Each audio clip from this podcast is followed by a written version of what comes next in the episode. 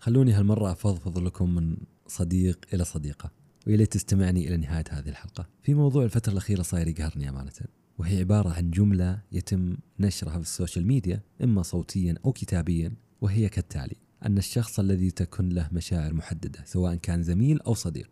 يجب أن يكون بينك وبينه تشابه بنسبة كبيرة جدا لكي تستمر هذه الصداقة أو العلاقة. وفي حال وجود اختلاف بينك وبينه بناء على ما يتم نشره واللي قاعد أقراه في حال وجود اختلاف بينك وبين هذا الشخص فللأسف هذه المشاعر لن تستمر وهذه العلاقة سوف تنتهي قريبا. خليني أقول لك من صديق إلى صديقة ومن قلب صافي إلى قلبك. هذه القاعدة للأسف تم بناءها على أرضية هشة.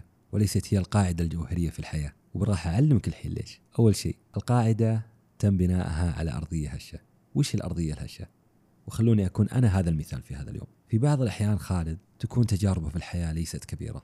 لم يتعايش مع مواقف محددة. لم يكون صداقات كبيرة جدا ليعلم ويستشعر مشاعر مختلفة.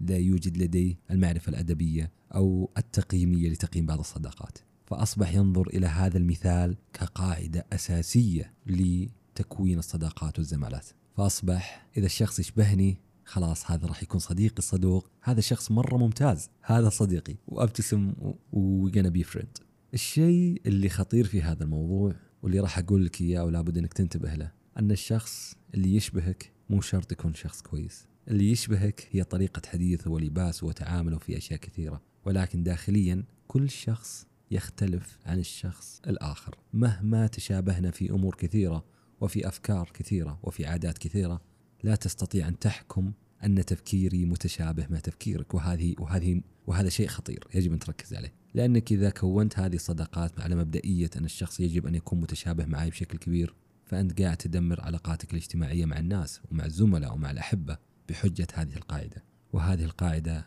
حاول إزالتها واعتمادك على هذه القواعد اللي راح أقول لك إياها. واحد أن الشخص يكون قريب من الله. هذا شيء أساسي. إذا الشخص قريب من الله هذه قاعدة أساسية. يصلي ويصوم يا عبد الله وينصحك. هذه القاعدة الأساسية. وبعدها نجي للقواعد الأخرى.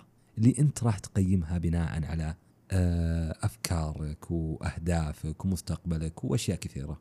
ولكن يدك وأصابع يدك ليست متساوية. وخليني أقول لك لو أصابع يدك متساوية قبضتك لن تكون قوية. الاختلاف وارد في أشياء كثيرة وبالعكس ربما يكون الاختلاف هو أداة وهو وسيط قوة في هذه الصداقة أو هذه الصداقة العلاقة الزمالة. أهم شيء أننا نكون متساويين في بعض الأفكار وفي بعض المبادئ والمبادئ هي المبادئ الإسلامية والدينية بشكل كبير وما خلاف ذلك يتم تقييمه على حسب الشخص. ابتسم يا صديقي وخذ نفس ولا تصير وضعية اللي لن أصادق الجميع لأنهم لا يشبهوني. قبل لا أقفل هذه الحلقة يا صديقي ابتسم وخذ الحياة ببساطة. وقيم الموضوع ببساطة أيضا لأن من يبحث عن صديق كامل سوف يظل بدون صديق.